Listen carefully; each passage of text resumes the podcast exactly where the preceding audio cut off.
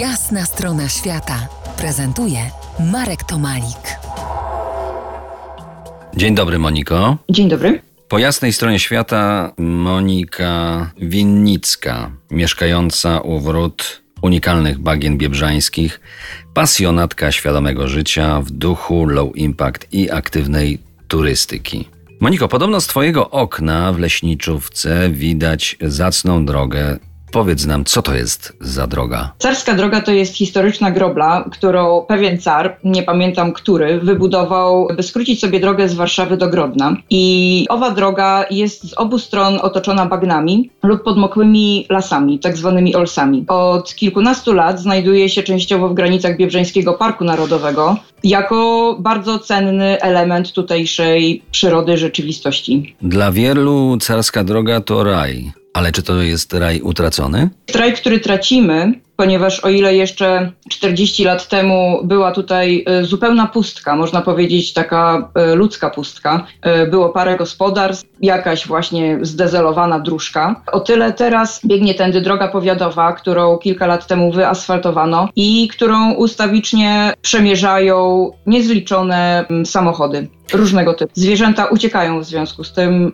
z tych okolic głębiej w las, głębiej w bagna a kto wie, może i jeszcze dalej. Ale część tych zwierząt jeszcze można, jeżeli się zmniejszy prędkość, powiedzmy do tej dozwolonej tam 50 na godzinę, e, czy nawet jeszcze pojedziemy wolniej, to te zwierzęta gdzieś tam jeszcze po lewej, po prawej stronie, bo jedziemy e, jak gdyby środkiem południowej części Biebrzańskiego Parku Narodowego? To znaczy nie jest to środek, jest to bardziej, bardziej przesunięte na prawo. Sama rzeka Biebrza w miejscu, w którym ja mieszkam, czyli w Moniuszce Laskowiec, Biebrza jest 10 kilometrów stąd. My żyjemy sobie nad bagnami biebrzeńskimi, czyli tak jakby terenem, który wody Biebrzy zalewają lub no, terenem podmokłym. Ta droga jest częściowo położona wśród bagien, a częściowo położona wśród lasów i rzeczywiście możemy na niej spotkać i łosia, i borsuka, i lisa, właściwie wiele lisów, sarny jelenie, ale tereny te słyną z niesamowitej liczebności i różnorodności ptaków, ponieważ mają one tutaj cudowne warunki do pytowania i korzystają z tego namiętnie.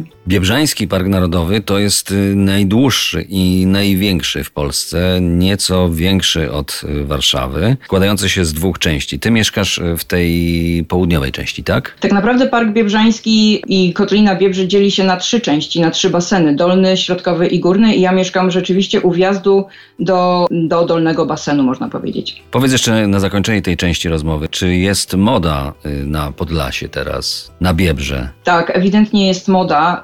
Y, wynikająca po części właśnie z tego, że, że, że no, trzeba gdzieś pojechać, ale też z tego, że o Podlasiu mówi się coraz więcej w mediach głównego nurtu, że Podlasie też, te, też się reklamuje, ale też z tego względu, że ludzie szukają dziczy, spokoju i, i ciszy po prostu.